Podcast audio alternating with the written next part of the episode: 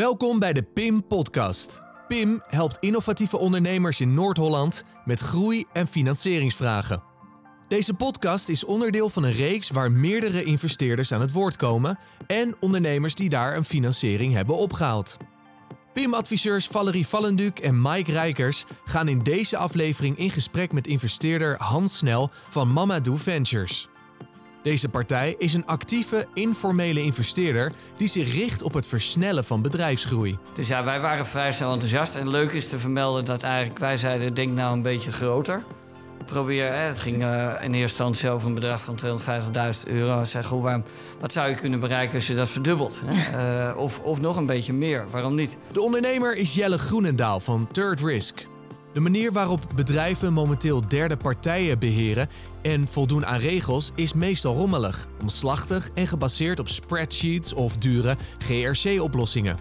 Om organisaties van alle maten te helpen veilig te werken met externe partijen, heeft Third Risk een slim platform ontwikkeld voor het beheer van derde partijen. Hier kunnen risicoteams samenwerken en al hun activiteiten op één geïntegreerde plek beheren. Dus het is ook belangrijk dat je goed met elkaar denken kan en dat je elkaar kunt vertrouwen en dat er ook echt een klik is. En, en dat je ook uh, ja, respect hebt voor elkaar en ook echt snapt dat iemand ook iets kon, kon brengen. Op welke manier heeft Jelle met Third Risk financiering opgehaald bij Hans? Hoe heeft Hans het bedrijf net wat verder gebracht? En wat komt er allemaal kijken bij een financieringstraject? Je hoort het binnen nu en 26 minuten. Hans, wanneer noem je jezelf een informal investor? Ja, dat is een goede vraag. Um, een informal investor, uh, ja, je moet het eigenlijk indelen in verschillende vormen van kapitaal die uh, ondernemers kunnen aantrekken. En een informal investor is veelal een, uh, een ex-ondernemer die um, ja, na ondernemerschap of tijdens ondernemerschap bereid is raad en daad in combinatie met kapitaal de beschikking te stellen in een vaak een wat vroegere fase van de onderneming. En dat verschilt eigenlijk ten opzichte van fondskapitaal waar uh, waar ja, vaak uh, in een latere fase geïnvesteerd wordt en waar weer andere type investeerders uh, betrokken zijn. Ja, en met, met Mamadou Ventures doe je dat ook in die vroege fase? Klopt, ja. Mamadou Ventures is eigenlijk een gelegenheidsinvesteringsvehikel van, van mij en mijn compagnon Ruud Kroon. Wij hebben lang onder, samen ondernomen, een aantal bedrijven gebouwd en verkocht en ook teruggekocht en weer verkocht. En sinds, uh, sinds 2008 zijn wij uh, aan, ja, als investeerder actief. En dat typeren wij als ondernemend kapitaal ofwel informal, informal investor. Oh, ik ben, ik ben wel benieuwd. Je verkoopt en je koopt het weer terug en dan weer verkoop je het weer. Ja, dat is, was niet een strategie, maar gebeurde ons wel. Wij verkochten ons bedrijf al in 2000. En de Duitse partij die ons had gekocht, ging uh, twee, twee, jaar later ter ziele. Wij waren gewoon nog involved. Ons bedrijf was gegroeid in omzet en uh, ook in winst en in team. Ja, we hebben het bedrijf terug, uh, teruggenomen en twee jaar later verkocht aan een grote Franse multinational. Oké, okay, zo, zo, kan het lopen. Ja. ja. Zo loopt het. Ja. En nu, nu zelf investeerder ook.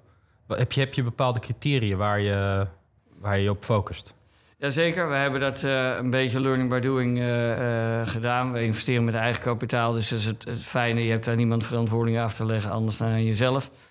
Dus die investeringsbeslissingen kun je ook zelf nemen. En waar wij eigenlijk graag in investeren, zijn die bedrijven die een repeterend businessmodel hebben. Nou, tegenwoordig noemen we dat al vrij snel een, een SaaS-bedrijf, software as a service bedrijf. Maar eh, wij waren al, al lang involved met, ook in onze eigen business, met uh, bedrijfsmodellen die uh, gelijk aan een verzekeraar eigenlijk een, uh, een repeterend karakter kennen. Ja, repeteren bedoel je dat, dat de omzet Juist. steeds binnen blijft komen? Dat de omzet jaarlijks eigenlijk min of meer automatisch binnenkomt. uitgaan dat je weinig klanten hebt die, die opzeggen. Oké. Okay. Maar dat is niet het enige investeringscriterium. We hebben eigenlijk gezegd, we willen eigenlijk altijd business-to-business -business, actief zijn. Willen bij uh, ondernemingen betrokken zijn waar een, een goed uh, team, uh, een team van, van ondernemers is wat in balans is. En waar wij kunnen helpen de groei te versnellen en zo mogelijk ook te internationaliseren. Oké, en als er nou een ondernemer luistert naar deze podcast, waar kan hij zich dan melden om met jou in gesprek te komen? Uh, ik weet niet of ik voor iedereen geschikt ben. Want nee. ik denk dat je als, als ondernemer altijd goed moet kijken naar wat je zoekt. Ja. Het is vaak, uh, ja, zoek je geld. Hè? En, en dat geld uh, heb je misschien voor een aantal doelen nodig. Maar ik denk dat als je een keuzemogelijkheid hebt als ondernemer... zou ik als een investeerder kiezen die ook aansluit bij, uh, ja, bij, bij, bij het bedrijf hè, wat het geld zoekt. Kennis, ervaring heeft in, in die markt, een netwerk heeft. dus ik zou heel, heel goed kijken met wie, ja, wie kies je als investeerder. Ja. Dat is wezenlijk van belang. Nou, er zit natuurlijk ook een ondernemer aan tafel en die paste denk ik wel bij, bij jou. Dus ik ben heel erg benieuwd naar het verhaal van Jelle, wat Third ja. Risk doet. Ja, Third Risk is een uh, risk management tech startup. En wat wij maken is technologie voor bedrijven om bedrijven te helpen om risico's te beheersen. Vooral risico's die ontstaan door de samenwerking met derde partijen. Nou, ons platform maakt mogelijk dat allerlei verschillende disciplines, van sustainability tot cybersecurity, tot continuïteit, tot privacy teams, kunnen allemaal samenwerken op één platform. En die kunnen dus risico's die te maken hebben met derde partijen of met de interne kant kunnen zij beheersen op ons platform. Nou, en wat, waarom is dat belangrijk? Omdat je ziet eigenlijk dat uh, ja, bedrijven steeds meer, uh, wordt van hem steeds meer verwacht dat zij verantwoordelijk zijn uh, voor de derde partijen. Dus dat hun derde partijen handelen naar wet en regelgeving. Maar ook dat ze zorgen dat als er iets mis is met die derde partij, dat het niet effect heeft op hemzelf. Eh, want als, we hebben bijvoorbeeld gezien, onlangs nog met een groot incident bij een kaasdistributeur, dat als, ja, die was gehackt door een cyberaanval en vervolgens lag er geen kaas meer in de winkel. Dus voor zo'n supermarkt is dat super cruciaal. Zij willen eigenlijk dus dat die kaasdistributeur voldoende maatregelen neemt, zodat er altijd een goede aanvoer is van kaas. Nou, om dat soort risico's te beperken, dus een continuïteitsrisico of een duurzaamheidsrisico of een compliance-risico, hebben wij ons platform gemaakt. Waarbij je allerlei verschillende databronnen kunt koppelen, waarbij je vragenlijsten kunt versturen. En waarbij je dus ja, bedrijven er kunt helpen om uh, die due diligence op een hele efficiënte en effectieve manier te doen. Oké, en in welke branche uh, ja, zitten jullie klanten? Ja, dus wij uh, werken sectorbreedte. Of, we zijn generiek eigenlijk van aard betekent dat we enerzijds groot zijn nu in de retail. Dus we werken onder andere voor de Jumbo. We hebben pilots gedaan met Aal de Hesse, met de Action. Maar we werken ook bijvoorbeeld in de financiële sector. Dus Deloitte, wat een van de partners van ons is... Die gebruiken bijvoorbeeld om assessments te doen voor ING Bank en voor KBC. Om bijvoorbeeld te geven.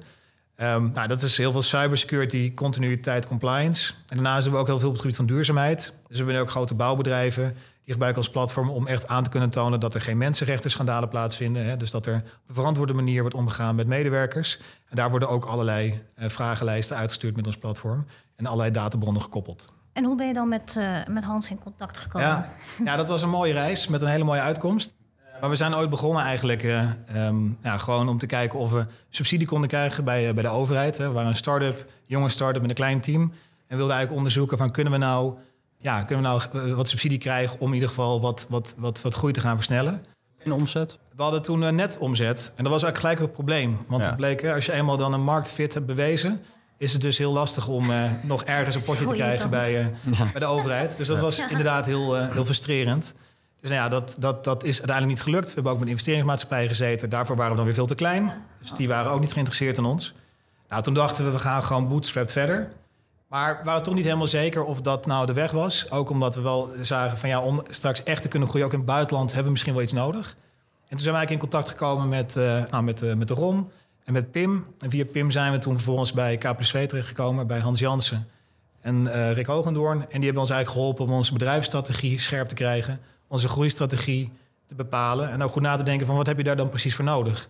En met dat scherp in ons achterhoofd kwamen we achter van ja, we hebben iets van een, uh, van een investering nodig. En toen dachten we, nou, dat gaan we ophalen bij eh, Friends and Family. Uh, we hebben allemaal in onze familie wel iemand, een tante of een oom met wat geld die je heel graag wil investeren. Want tegenwoordig lijkt er geld genoeg te zijn. Iedereen die wil investeren en kunnen zeggen op een verjaardag dat ze dat doen.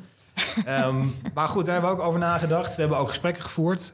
En uiteindelijk bleek ook van ja, weet je, je kunt dat wel doen. Maar dan heb je dat geld en dan zit je straks met kerst zit je weer met diezelfde tante aan tafel. En dan moet je weer gaan uitleggen wat je allemaal aan doen bent. En die persoon, met alle respect voor mijn familie en voor de familie van andere medeoprichters, maar ja, je wilt toch eigenlijk ook niet alleen geld, maar ook mensen met uh, capaciteit, met kwaliteit ik wil zeggen, en kennis. Nu moet je verantwoording leggen aan, uh, aan nee, ik dus, kom er, uh... ik kom er. dus je wil niet alleen geld, maar eigenlijk ook mensen die ook echt verder kunnen helpen. Um, en toen zijn eigenlijk dus via Hans Jansen in contact gekomen met, met Hans Snel en met Ruud Kroon. Ja, en dat was, ik wou niet zeggen liefde op het eerste gezicht, maar wel een hele leuke sessie gehad. want we hebben natuurlijk meerdere mensen ook gesproken, meerdere informals. En uh, ja, de, de, de, ik denk dat het heel belangrijk is dat je een persoonlijk klik hebt. Maar ook echt dat je merkt dat mensen zich liefde hebben voor het product wat je doet. Ja. En ook overtuigd zijn dat ze daarin een bijdrage kunnen leveren. Nou, en dat hebben we in Mamadou uh, zeker gevonden. Dus dat was... En was dat, was, die, die eh, wederzijds, was dat wederzijds die liefde, of die bijna liefde? ja, wij waren eigenlijk al, als je toch eh, spreekt in termen van verliefdheid... wij waren eigenlijk al redelijk snel verliefd op het uh, businessmodel. En, en eigenlijk wat Jelle beschrijft, die uh, regelgeving is één... maar twee, bedrijven willen ook in control zijn. Er zit gewoon business risk aan. Hè? Dus het is niet alleen wet en regelgeving. Nee, super interessant. En wij hebben een cybersecurity achtergrond... ook een paar bedrijven daarin gebouwd en succesvol geëxit... en nou ja, we begrijpen dus heel goed uh, dit, dit, deelgebied. En daar ze daar duurzaamheid bij optelt, wat ook een groot thema is. Ja. dat bedrijven gewoon in control willen zijn en, en dat efficiënt willen doen. Ja, je ziet dat platform. En het is ook. Uh, kijk, wij, wij investeren graag in. Uh, je kan op twee manieren naar een bedrijf kijken. Uiteindelijk wat je bouwt en wat je creëert. En naar de winstgevendheid van het bedrijf. Hè, kun je naar kijken. Of je kan kijken naar een softwarebedrijf wat een wereldwijde potentie heeft, wat dit heeft. En uh, een softwarebedrijf wordt ook anders gewaardeerd dan een servicesbedrijf. Een servicesbedrijf wordt gewaardeerd een factor winst. En een softwarebedrijf wordt, wordt gewaardeerd een factor uh, omzet. Dus het type investering past ons heel goed.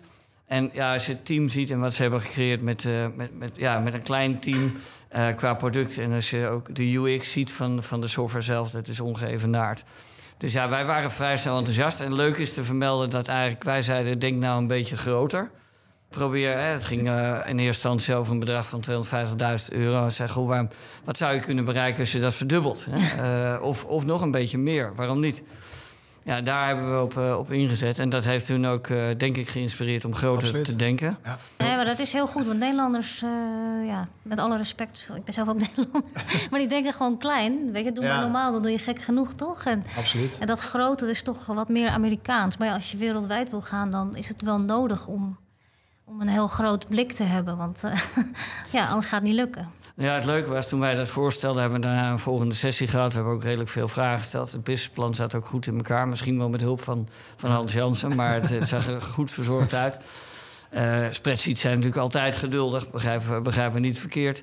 Nee, maar dat, dat, zag er gewoon verzorgd uit. Dat is ook een meetpunt. En we hebben uh, ook bij een aantal klanten hebben we kennis uh, gemaakt. En ja, die waren onverminderd enthousiast. Ja. Dus dat was goed. Maar toen gebeurde een bijzonder uh, iets. Dat ze eigenlijk zeiden: Ja, goh, we weten toch niet of we kapitaal nodig hebben. Want we hebben net een paar grote opdrachten getekend. nou, waar word je als investeerder dan blij van? Zijn die, die, die ondernemers die eigenlijk geen kapitaal nodig hebben. En waar je graag bij wil horen. Dus wij, ja. hebben, to, wij hebben toen gezegd: Nou ja, we begrijpen dat. En dat is eigenlijk ook verstandig. Want waarom zou je aandelenkapitaal weggeven als je het niet direct nodig hebt? Maar wij hebben toen gezegd, joh, denk toch na, want geld uh, is niet het enige wat je denkt dat je, nodig, dat je kunt gebruiken. Je kan denk ik ook wel netwerk en kennis gebruiken. Ja. En ja, wij denken daar uh, aan te kunnen bijdragen. En uh, nou, daar, daar, dat heeft, is, is uiteindelijk goed geland. Absoluut. Ja. ja. En hebben we toch met elkaar een investering gedaan. Ja. Maar Jelle, je hebt, je hebt dus eigenlijk kunnen onderhandelen op dat moment uh, met ja, dat, en ik kan nu zeggen dat we het op briljant hebben uitgespeeld. Maar dat was eigenlijk meer onze eigen wijsheid om te denken... nou, we gaan het toch zelf doen. We hebben inderdaad die opdrachten en we hebben het misschien helemaal niet nodig. Maar goed, mede door de volhardendheid van Hans en Ruud... maar ook door natuurlijk de, wederom weer de, de inzichten die zij gaven...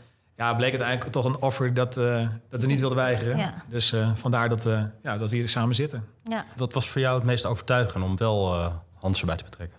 Nou, een van de dingen die zeg maar, mij persoonlijk um, heel erg, uh, wat ik persoonlijk heel fijn vind, is dat wij zijn, uh, zeg maar, als, als team zijn we vooral risk professional. Misschien ook een beetje risicomijdend. Uh, en we zijn zeker niet de meest bekwamen in het, in het doen van verkoop. Hebben we overigens altijd wel gedaan, ook in onze consultancy-praktijk. Maar het is voor ons, voor de groei, heel goed om mensen te hebben die inderdaad groot kunnen denken. En die ook competenties hebben en bewezen track hebben op het doen van van verkoop. En ook zeker in een SaaS-omgeving. Hans heeft al meerdere deelnemingen daarin groot gemaakt. En die ervaring, die, ja, die zochten we eigenlijk. En toen kwamen we er ook wel achter van... als we dat, niet, als we dat ook niet aan boord halen... dan komen wij waarschijnlijk niet zo ver. Of dat kost ons veel te veel tijd en dan missen wij de boot. Nou ja, en Hans heeft natuurlijk ook ervaring in, in exits. Uh, dus Absoluut. dat is natuurlijk ook heel fijn om de, die kennis uh, aan boord te hebben. Absoluut, nee, zeker waar. Dat uh, ook nog een mooie bijkomstigheid. Ik wil, ik wil even iets terug in de tijd. Hè. Voor die investering, toen kwam je in contact met Hans Jansen en Rick Hogedoorn in een, ja. in een PIM-traject. Ja. Kan je iets uitleggen hoe dat, project, hoe dat traject is gegaan? Ja, zeker. Het, was een, het, het, is zeg maar een traject wat, als ik het goed nog herinner... een deel wordt wel betaald door de overheid, een deel betaal je zelf... Nou, op zich uh, prima regeling. Wij hadden op dat moment ook echt behoefte aan buitenstaander die kon meekijken, die met frisse ogen ook ons businessplan kon bekijken en daar kritische vragen kon stellen. En het mooie van Hans was, eh, andere Hans, Hans Jansen, dat hij ook achtergrond heeft in SaaS, uh, zelf daarin ook een bedrijf heeft gehad en daardoor ook heel veel best practices met ons kon delen. Dus heb ik echt heel goed nagedacht. Bijvoorbeeld iets wat wij nog niet scherp hadden op dat moment. Is van oké, hoe gaan we straks die sales doen? Gaan we dat doen in-house? Gaan we allemaal mensen aannemen die we volgens het pad opsturen? Of gaan we ook een partnerstrategie pakken? Uh, en bijvoorbeeld met partners aan de slag. Nou ja, uiteindelijk kwam daar dus uit van nou, partners heel interessant. Want uh, dan heb je zelf in principe weinig mensen op je loonlijst. En heb je een, een, een, een, mensen die veel dichter tegen de eindklant aan zitten. Die de warme band hebben en die ook veel makkelijker die sale kunnen doen. Wie zijn dan die partners? Ja, bij ons zijn partners zoals Deloitte. Uh, we hebben met Protivity, Twist Alliance. Het zijn vele verschillende soorten partners. Uh, en het hangt ook een beetje af van het type sector. Hè. Ons platform kan in principe in elke branche kan het worden gebruikt. Alleen als je bijvoorbeeld in een ziekenhuis zit, dan wil je eigenlijk een partner hebben die ook de ziekenhuiswereld goed begrijpt. Ja. En bijvoorbeeld een Deloitte zit weer veel goed in de financiële sector. En zij kunnen dan bijvoorbeeld de ING weer helpen, die ook klant van ons is. Dus je wil eigenlijk die kennis hebben. Ja, en dat is, uh, dat is een hele goede strategie gebleken. Of zijn we heel blij mee dat, dat, dat het uit het K plus traject gekomen is. Uit het PIM-traject. Tegelijkertijd ook heel mooi dat weer met Hans Mabadou aan boord. Uh, dat daar ook weer in dat het nog weer is verfijnd. Hè? Dat we ook hebben gezien van ja, die partners zijn goed. Maar we hebben ook wel degelijk zelf mensen nodig.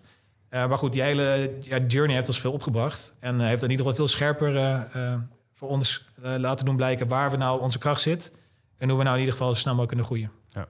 Kijk, het, het, verhaal wat je vertelde, dat, dat je net wel bewezen hebt dat er marktvraag is naar een product, maar dat je te vroeg bent voor een visie. Is dat voor jou nou eigenlijk de sweet spot? De sweet spot, zeg maar, qua investeringen waar je, waar je wil zijn? Ja, dat is precies uh, juist samengevat. Uh, het, is inderdaad voor een visie is het te vroeg. Hè. er, is, er is omzet, er zijn klanten, er is een gereed product, het is een team.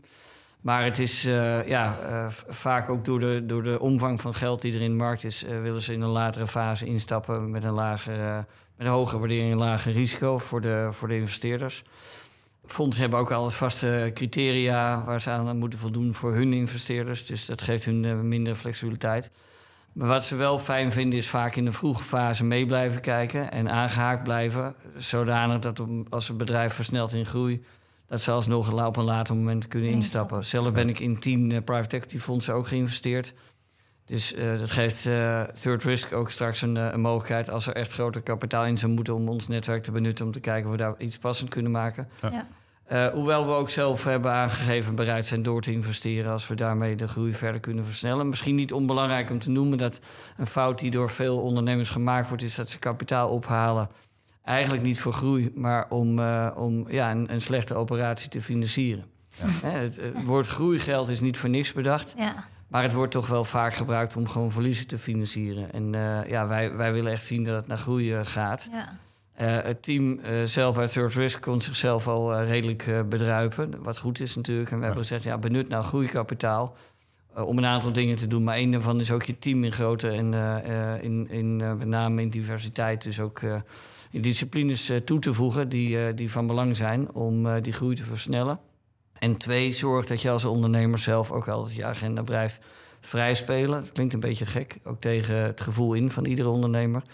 Maar uiteindelijk, als je, als je dat niet doet, ben je, ben je niet schaalbaar als bedrijf. Dus dat is iets waar wij uh, ja, graag op inzetten. Dus wij stimuleren hun ook om, uh, om mensen aan te nemen. En de tijd is niet slecht, omdat er bij techbedrijven ook weer veel weggaan. Ja. Dus, het biedt uh, goede kansen voor goede mensen. En voor de luisteraar, eh, met, met agenda vrij spelen bedoel je eigenlijk dat het bedrijf niet afhankelijk is van één of twee ondernemers, maar dat het bedrijf gewoon zelfstandig kan doorgaan. Nou ja, in deze fase is het bedrijf altijd uh, afhankelijk van de ondernemers. Moment. Maar het is belangrijk vooral dat ze zelf tijd uh, vrij houden om creatief bezig te zijn. En ook customer facing te willen zijn. En dat, dat is het mooie bij Third Risk. Want Jelle noemt net van ja, we zijn geen, geen verkopers. Maar we zitten wel heel graag en heel veel bij klanten. En dat, dat is een goed teken. Uh, voor ons ook een meetpunt. Want je moet uiteindelijk gewoon zelf uh, ja, uh, ook bij klanten dat kunnen verkopen. En daar inspireer je ook weer op op volgende productontwikkelingen. Dus dat is super belangrijk. Ja, absoluut. Helemaal eens. Maar dat komt ook omdat wij zeg maar niet aanvliegen vanuit een salesgesprek, maar altijd vanuit de inhoud en vanuit die wens om klanten te, te helpen. Dus zeg maar, de, de, de, uiteraard willen we verkopen, upsell doen, et cetera. Ja. Maar vaak zijn de, de reden dat we bij klanten zitten, is ook om te hoe het gaat, hè, de relatie, maar zeker ook van oké, hoe kan het product nog beter? En wat uiteindelijk geloven wij erin dat als wij een goed product hebben en een goed team, nou, dan zijn we onverslaanbaar. Ja. Maar ik denk ook dat jij de klant heel goed begrijpt. Absoluut. En zij jou en daardoor is er gewoon een goede match. Ja. En hoef je niet eens te verkopen, gaat vanzelf. Denk ja, en, precies ons businessplan hoe wij die other side of the table approach. Omdat wij ook, net als uh, onze klanten, we hebben ook aan de andere kant van de tafel gezeten. Ik, we hebben zelf ook risk assessments gedaan. We hebben ook de pijn gevoeld dat je weer met allerlei spreadsheets in de weer was om te onderzoeken welke derde partijen wel of niet uh, bepaalde maatregelen in place hadden. Ja, dat is een, dat is een helskarwei. En met onze technologie maak je dat zoveel eenvoudiger en makkelijker. Ja. En dat is wat onze klanten heel fijn vinden, waardoor het ook tijd uh, scheelt. En waardoor ze ook dus veel ja, beter in controle zijn. Hoeveel gesprekken was er nodig tussen jullie om... Uh... Ik denk dat we er twee fysiek hebben gehad en twee online. Ja. Daaromtrent. Ja. Viel wel mee. Het was heel... is efficiënt. Heel efficiënt. Ja. Wat, voor documenten had je klaar liggen om... Nou, ik denk, we zijn natuurlijk we begonnen uit met een, met gewoon een lichte demo. Maar volgens mij ging het Hans en Ruud veel meer om van wie zit erachter. Ja. Uh, wat is het verhaal wat ze hebben? Komt er een beetje energie uit? En uh, hebben ze de goede en de juiste ambitie? Nou, moet Hans zelf maar zeggen wat, hij daar, uh, wat zijn analyse daarop was. En wij hebben volgens hebben ook natuurlijk wel, is er wel een due diligence geweest. Dus wij hebben natuurlijk ook wel naast businessplan, maar ook alle ja, goed, de, de, contracten die je hebt met, met verschillende partners, met je klanten, de software. Dus er is wel een hele, er is natuurlijk uiteraard wel een analyse geweest. Maar ik denk dat vooral het voortraject erin ook ben aan elkaar snuffelen. Dat was denk ik vooral echt ook op, op basis van ja, ervaring, jullie neus voor talent, denk ik, en, en business. Ja, de kunst in, in dat proces is natuurlijk ook dat je ja, ook een beetje toetst. Zijn de ideeën die wij erbij hebben een beetje in lijn met wat de ondernemers willen? En jullie hadden een, eh, een businessmodel of hebben een businessmodel uh, wat, wat een uh, indirect businessmodel is met partners. Dus dat geeft een geweldige groeikans, zoals Jelle net al noemde, over de wereld. Maar wij zeiden het is ook een soort naïeve gedachte dat dat vanzelf gaat. Want ja, Deloitte is, is natuurlijk groot hè, als een partner. Dat geeft natuurlijk enorme uh, ja, credibility aan, aan, aan third risk. Hè, als die dat gewoon Europees gezien of wereldwijd zelfs oppakken. dat is fantastisch. Maar ja, zij hebben ook andere belangen bij die klanten. Dus als, uh, als de klant toch zegt, nou nu even niet, ja, dan hebben wij uh, een prachtig uithangbord, maar hebben we geen business. Ja. Dus wij hebben gezegd, ja, je moet toch gewoon je eigen sales team opbouwen, die uh, via die partners bij die eindklanten loopt en gewoon die business veilig stelt. Ja. Het andere is dat we zeggen, goh, we moeten ook altijd, noemen wij een soort land-expand strategie hebben. Dus we willen eigenlijk dat die ondernemers landen bij veel logo's die ertoe doen.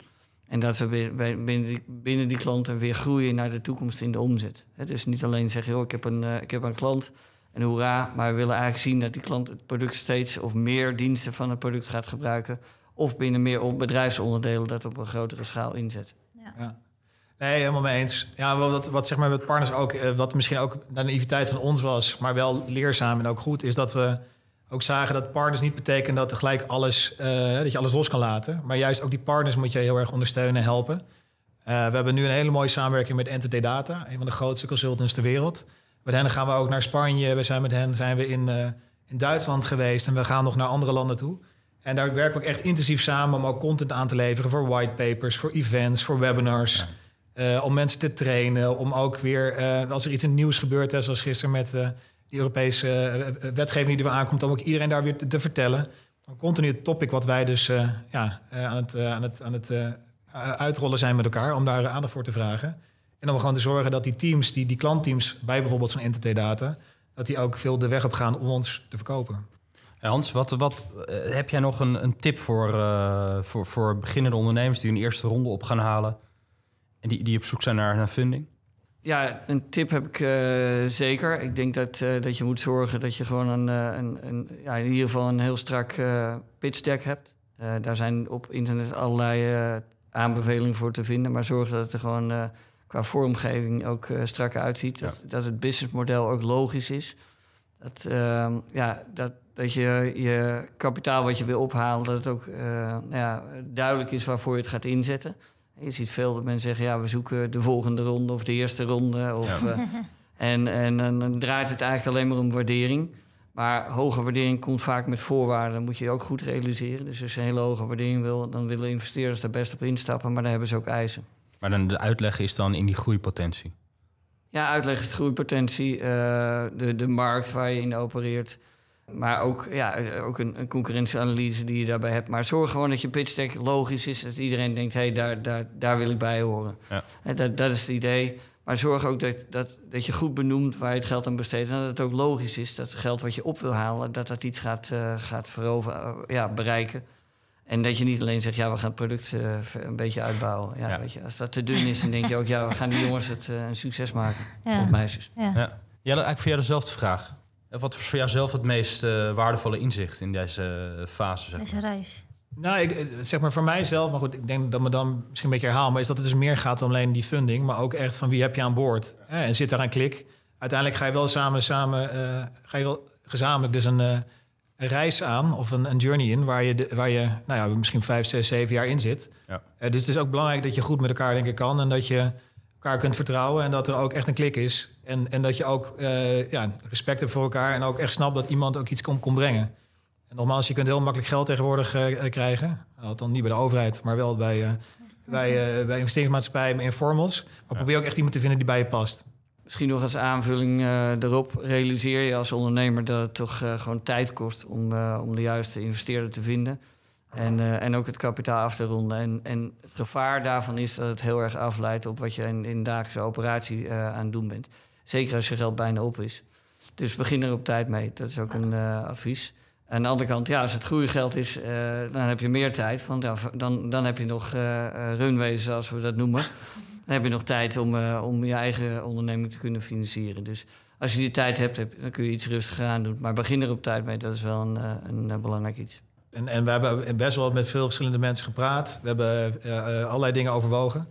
En ik denk ook dat het traject dat we gelopen hebben, dus met, met Pim, dat dat heel erg heeft, heeft, ons heeft geholpen om het echt scherp te krijgen waarom we dat geld dan nodig hebben. En, um, ja, en hoe we dat op een slimme manier kunnen inzetten. Want uiteindelijk heb, kun je dat geld weer hebben. Ja, en dan. Dus, maar goed, wij hadden dat scherp. En, en dat is scherper nog geworden met Hans en Ruud aan boord. En dat heeft ons wel echt geholpen om dat nu uh, op een uh, ja, efficiënte manier, een effectieve manier uit te geven. Mooi. En Jelle, tot slot, wat, wat gaat nou volgende stap zijn voor uh, Third Risk? De volgende stap? Nou, we willen heel graag willen we in het buitenland uitbreiden. Dus zijn we hard mee bezig. want uiteindelijk is de markt veel groter dan alleen Nederland. En wij hopen echt de Europese speler te kunnen worden in een paar jaar zijn we hard voor uh, aan de weg aan timmeren. Spannend avontuur. Bedankt mannen. Graag gedaan. Graag leuk gedaan, om leuk. Eh, erbij te mogen zijn. Top. Bedankt voor het luisteren naar deze aflevering van de PIM Podcast. Ben jij als ondernemer op zoek naar financiering en wil je daar eens vrijblijvend contact over hebben? Bekijk dan pimnh.nl. Dus pimnh.nl. En luister ook eens naar de andere afleveringen voor meer inspiratie en mogelijkheden.